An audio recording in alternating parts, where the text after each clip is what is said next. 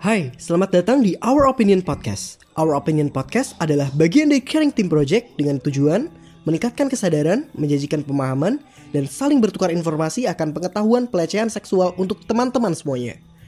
Dengan menghadirkan narasumber yang seru dan asik banget. Enjoy listening. Halo Sobat Cat semua, selamat datang kembali di Our Opinion episode 3. Gimana nih kabarnya Sobat Cat semua? Semoga sehat selalu ya. Dan juga jangan lupa untuk selalu terapkan protokol kesehatan di mana pun Sobat Cat berada. Perkenalkan, aku Yosi Eka Pradita yang akan menjadi host dan akan menemani Sobat Care semua. Kira-kira Sobat Care udah pada tahu belum ya tema kita hari ini apa?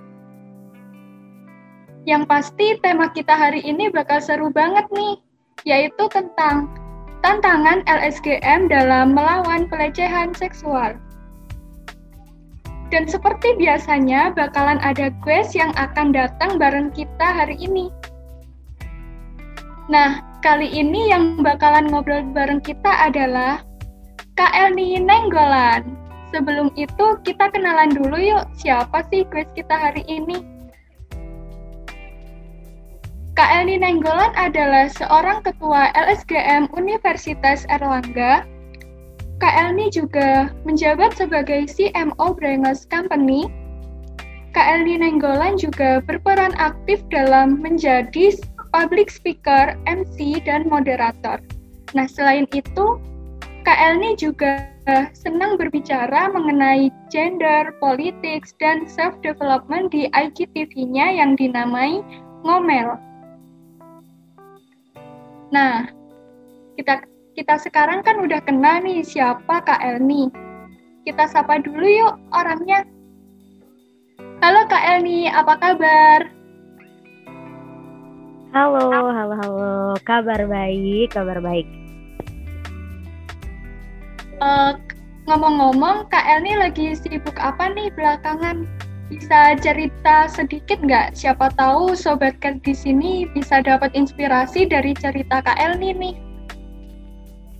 Oke, okay. uh, eh, thank you ya sebelumnya Kak Yosi dan juga teman-teman uh, caring team ya semuanya ya. Uh, yang jelas kalau akhir-akhir ini kan karena memang kita lagi di bulan Ramadan ya kan ya pastinya uh, aku sendiri pun juga sama halnya mungkin dengan teman-teman yang lain juga kita fokus juga menjalankan ibadah puasa ya kan dan juga amalan-amalan baik semuanya di bulan Ramadan. Selain itu juga walaupun bulan Ramadan ya kita nggak boleh malas-malasan juga ya kan kita harus tetap aktif. Jadi tetap menjalani keseharian seperti biasa sih ya bekerja seperti biasa karena memang uh, kantorku juga jamnya cukup fleksibel lah ya jadi tetap bekerja terus juga um, ya aktif di masih ada beberapa klien-klien juga ya di acara beberapa acara live Instagram misalkan ataupun juga webinar-webinar masih aktif juga di tengah-tengah Ramadan. Juga masih banyak preparation untuk beberapa project-project lain ke depannya sih. Plus juga ya sama lah sharing uh, bersama dengan teman-teman yang lain mas seperti halnya kita sharing hari ini. Juga kemarin beberapa kali ada uh, acara juga sih sempat sama teman-teman Universitas Brawijaya juga. Ada juga teman-teman UNER sendiri dan juga ada beberapa komunitas-komunitas lain juga yang kita sharing-sharing bareng. Pun juga bersama dengan LSGM seperti itu. Gitu sih belakangan ini.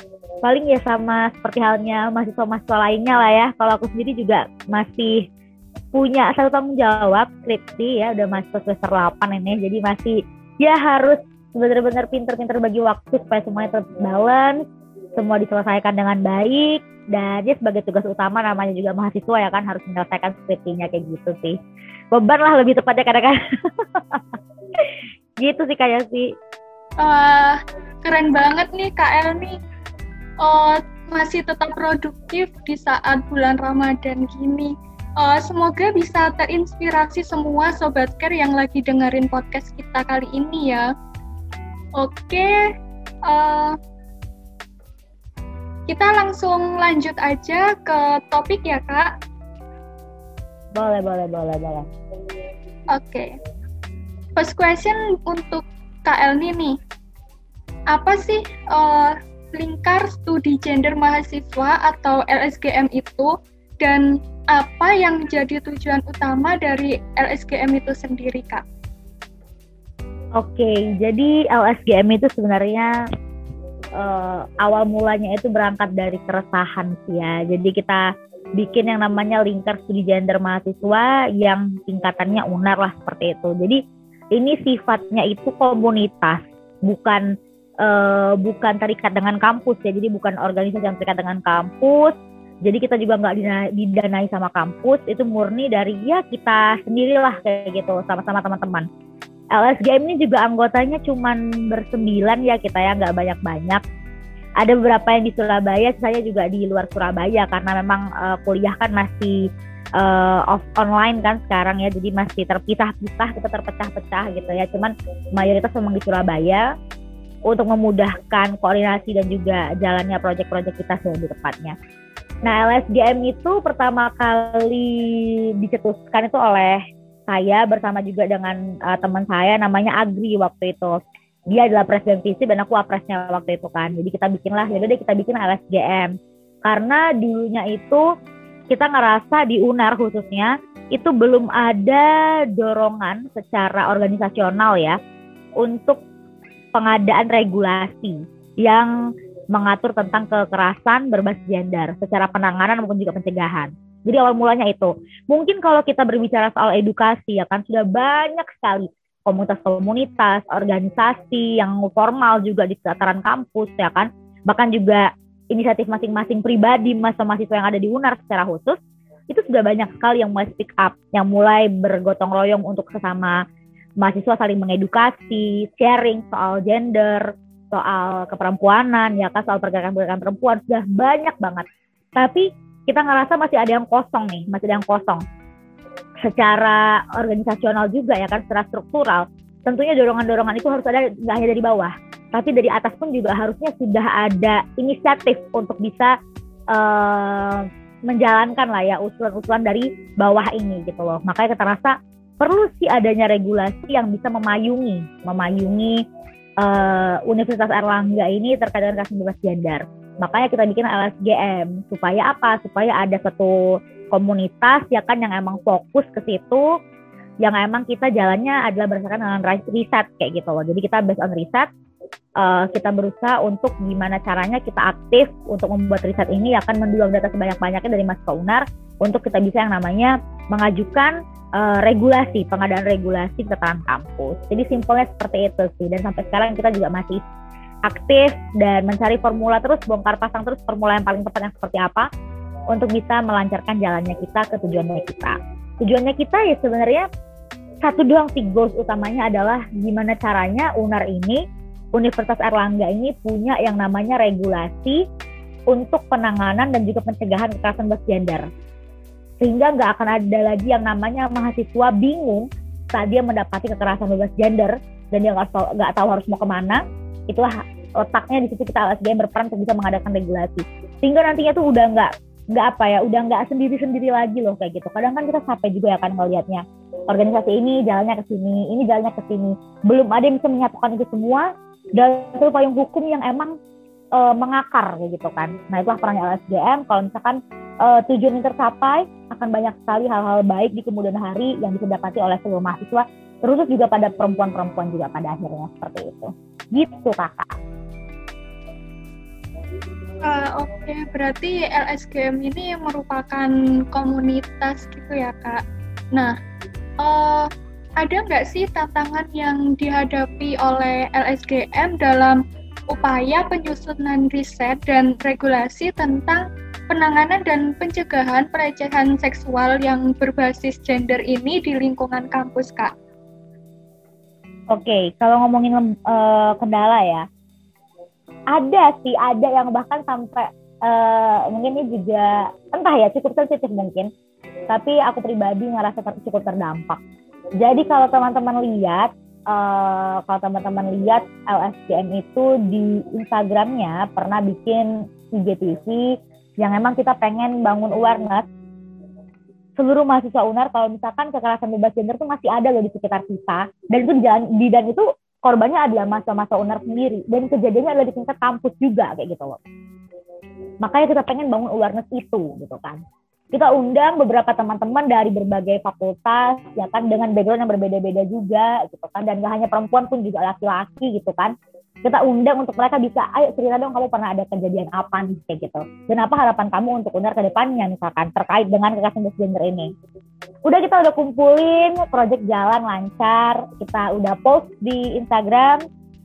Boom di situlah berbagai respon positif kita dapat dari mahasiswa mahasiswa tapi ada berbagai respon yang kurang baik juga dari uh, elemen-elemen lain ya di luar mahasiswa.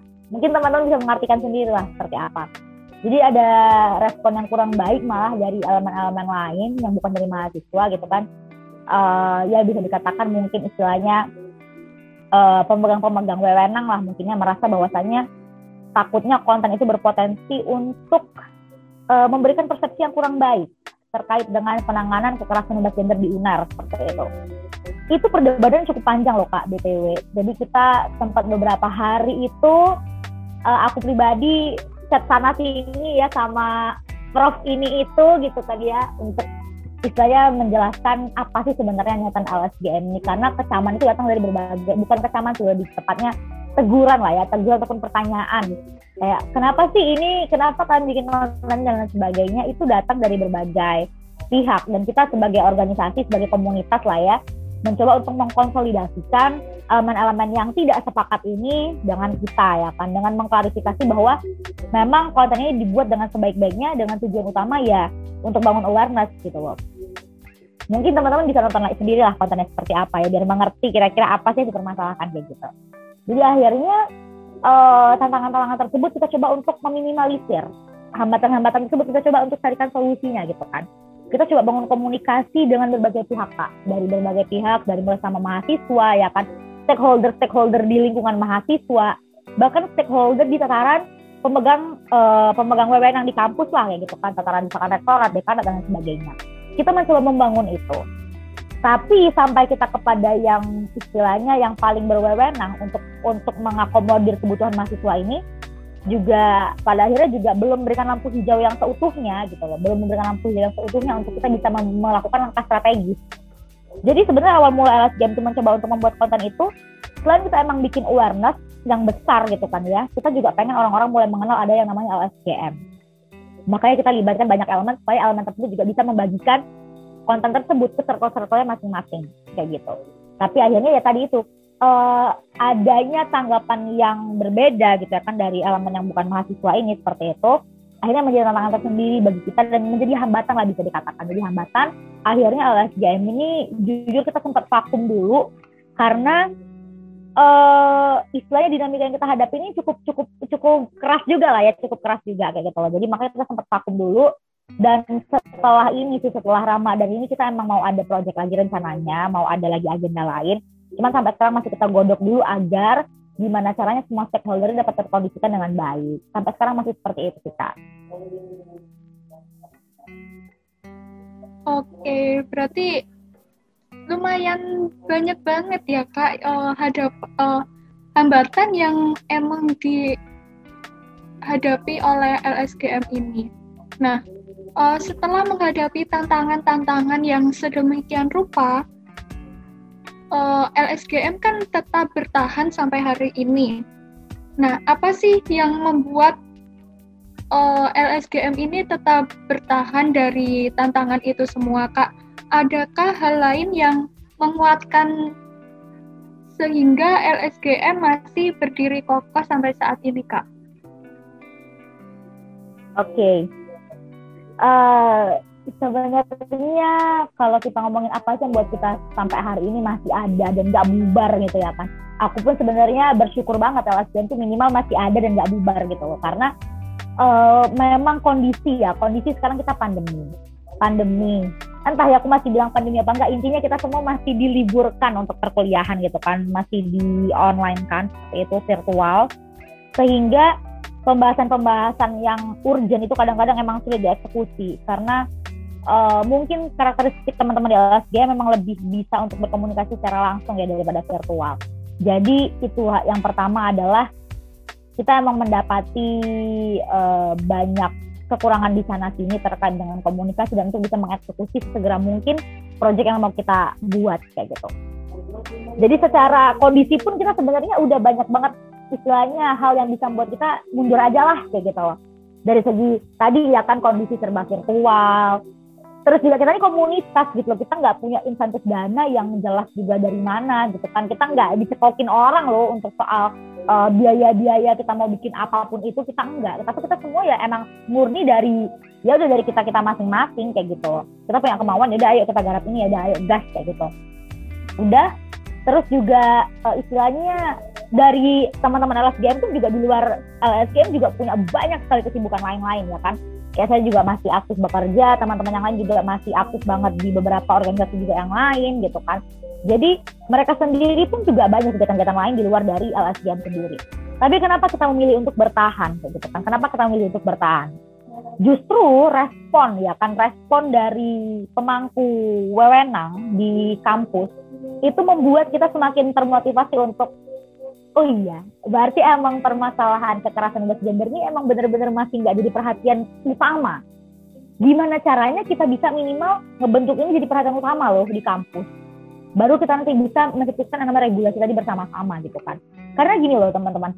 Mungkin ini nggak tahu situasi di kampusku loh ya nggak tahu di kampusnya teman-teman tapi aku rasa kurang lebih mungkin mirip lah karakteristiknya ya kan ya mirip karakteristiknya. Bahwa memang uh, terkait dengan kepedulian ataupun juga permasalahan gender ini itu masih bukan menjadi prioritas gitu loh. Karena dirasa ya udah orang nggak nggak penting kok. Bahkan teman-teman Dani kalau aku boleh cerita ya ini terserah deh mau dikat apa enggak nanti. Yang jelas uh, ada statement kayak gini. Lah kan kita kan sekarang di ini online kuliahnya. Terus kalau misalkan mahasiswanya mendapati kekerasan seksual di luar kampus mau nyalahin kampus kan nggak bisa orang kita nggak ada nggak ada kegiatan perkuliahan dan lain sebagainya. Nah, mindset seperti ini dipegang atau dimiliki oleh orang yang sebenarnya dia punya wewenang loh di kampus. Jabatannya nggak main-main loh di kampus kayak gitu loh. Jadi aku rasanya semakin semakin termotivasi untuk kita emang nggak boleh stop. Orang pemegang pemegang wewenang di kampus aja punya mindset kayak gini gitu loh. Gimana mau ada res, uh, istilahnya solusi yang baik untuk permasalahan kekerasan gender di kampus gitu loh. Orang mindset aja masih kayak gini, secara nggak langsung kita sadar bahwasanya permasalahan ini bukan hanya di tataran action loh, tapi di tataran pikiran pun juga kita masih nggak balance soal awareness, soal edukasi, soal pemahaman terkait dengan gender ini seperti apa, kekerasan, ber, kekerasan berbasis gender itu seperti apa. Masih banyak yang benar-benar nggak paham gitu loh. Dan kalau misalkan kita berhenti, ya siapa lagi gitu loh. Ya nggak sih? Kalau misalkan kita ada satu aja yang berhenti, berarti otomatis itu juga bisa berpengaruh ke orang-orang lain gitu loh. Itu bisa berpengaruh ke orang-orang lain. Karena kalau misalkan kita lihat ya teman-teman ya pergerakan perempuan tuh nggak bisa dilakuin sama satu dua orang doang nggak bisa. Bahkan juga mungkin di kampus teman-teman pun juga pasti seperti itu kan? Nggak bisa ngandelin satu dua orang doang. Tapi gimana bisa utuh semuanya gitu loh. Dan untuk membangun kekuatan bersama-sama dengan orang-orang lain itu juga bukan hal yang mudah hal yang sangat susah gitu kan. Dan kita menyadari itu konsekuensinya. Untungnya kita semua masih bisa punya pemikiran tersebut akhirnya kita sampai sekarang pun juga masih bergandengan tangan masih bisa mau untuk bareng-bareng ayo kita bertahanlah di LSGM karena ada keyakinan bahwasanya apa yang kita inginkan tuh bukanlah hal yang imajinatif bukanlah hal yang utopis gitu loh. Tapi ini tuh bakal nyata kejadian kalau emang kita harus bersabar kita harus bersabar kita jangan lupa untuk buat regenerasi kita juga dan jangan sampai kita yang namanya menyerah sama keadaan sih. Jadi dengan beberapa semangat-semangat itu yang nggak hanya ada di aku, tapi juga teman-teman yang lain, kita tetap bahwa ya kita tetap jalan. Kayak gitu sampai hari ini. Wah, emang keren banget sih ini LSGM ini menurut aku juga kak. Walaupun udah ditimpa respon negatif dari pihak sana sini, tapi LSGM ini tetap bertahan sampai saat ini. Uh, demi menangi uh, demi mengayomi perempuan-perempuan yang emang mengalami pelecehan seksual di lingkungan kampus seperti itu ya kak. Uh, Yo, mungkin lanjut pertanyaan selanjutnya dan pertanyaan ini mungkin pertanyaan yang terakhir kak. Jadi harapan dari Kak Elmi sendiri sebagai ketua LSGM ke depannya mengenai regulasi penanganan dan pencegahan pelecehan seksual, terutama di lingkungan kampus, agar kita-kita ini bisa merasa aman, nyaman, dan tenang. Itu apa Kak? Ada nggak harapan dari Kak sendiri? Oke. Uh, untuk itu sebenarnya ya dari aku pribadi ini ya bukan atas nama LSKM dari aku pribadi uh, di kampusku untuk aku pribadi itu benar-benar fokus mulai speak up membangun awareness soal ini itu dimulai dari tahun 2018 lah 2018 dari aku udah menginjak semester ya semester tiga lah kalau nggak salah. Itu aku udah mulai secara pribadi mulai fokus ke situ lewat lembaga yang aku miliki ya itu lewat BEM kayak gitu kan. Itu ngebangunnya itu pelan-pelan gampang-gampang susah kayak gitu loh. Sampai memang aku nyadarin kalau ya emang susah banget kalau misalkan kita fokus di edukasi terus edukasi terus kita harus kita kalau fokus kita cuma di dekonstruksi terus-terusan gitu kan ya.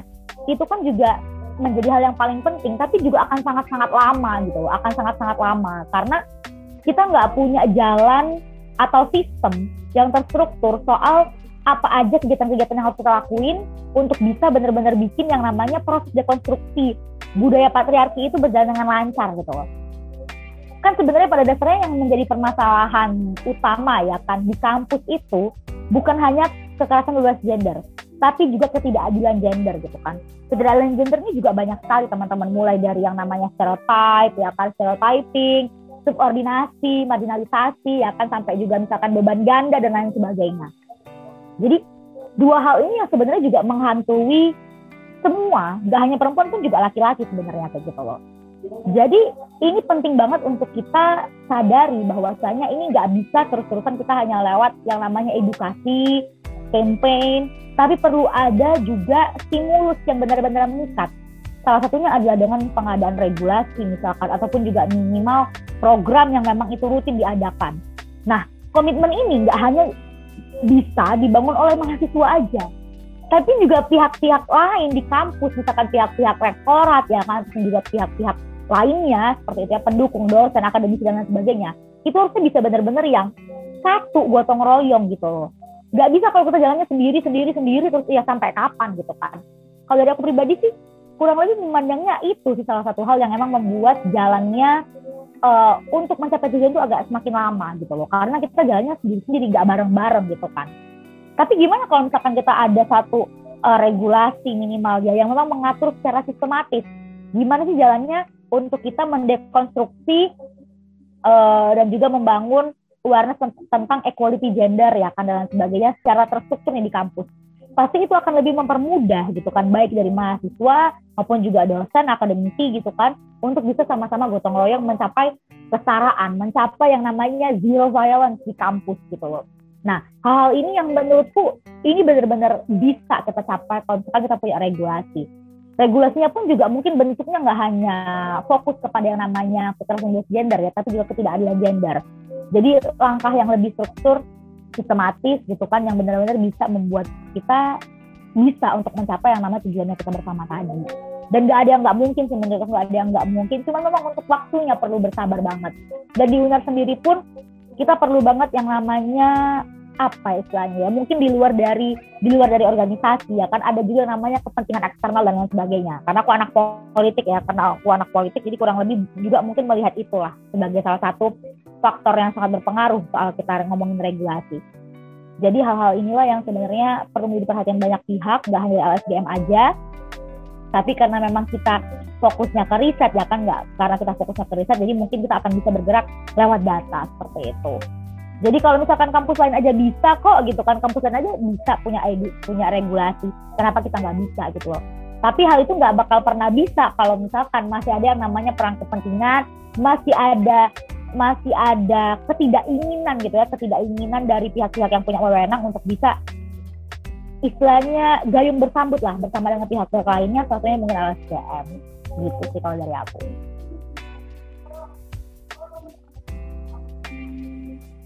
Betul betul banget nih Kak Eni. Uh, semoga tercapai ya Kak biar kita bisa kuliah dengan aman dan nyaman nantinya tanpa ada uh, kasus-kasus pelecehan seksual seperti itu tadi. Well, itu dia obrolan kita hari ini bersama gue kita. Semoga para sobat care bisa mengambil insight baru dari obrolan kita hari ini ya. Dan buat Kak Elni, terima kasih banyak ya Kak sudah mau hadir di podcast kita kali ini. Semoga suatu saat nanti kita bisa melakukan kolaborasi kebaikan ya Kak. Amin, amin, amin. Sama-sama. Thank you juga buat sharing tim ya. Sukses terus. Pokoknya semangat lah buat kita selalu bareng-bareng ya kan. Kegiatan-kegiatan kayak gini tuh emang perlu banget lah kolaborasi antara organisasi dan lain sebagainya. Top sharing tim. Sukses terus. Ya. Makasih banyak Kak Elmi. Oh, oh iya, jangan lupa tanggal 8 Mei 2021 Caring Team bakal ngadain talk show PSBB pelecehan seksual bukan bercanda, mengenal dan menyikapi pelecehan seksual. Sobat Care, jangan lupa untuk daftarkan diri ya melalui link yang tersedia di IG kami, yaitu @caring.team. Dan oke, okay, Sobat Care sekalian, untuk obrolan kita hari ini, semangat terus ya puasanya. See you on next Hour Opinion.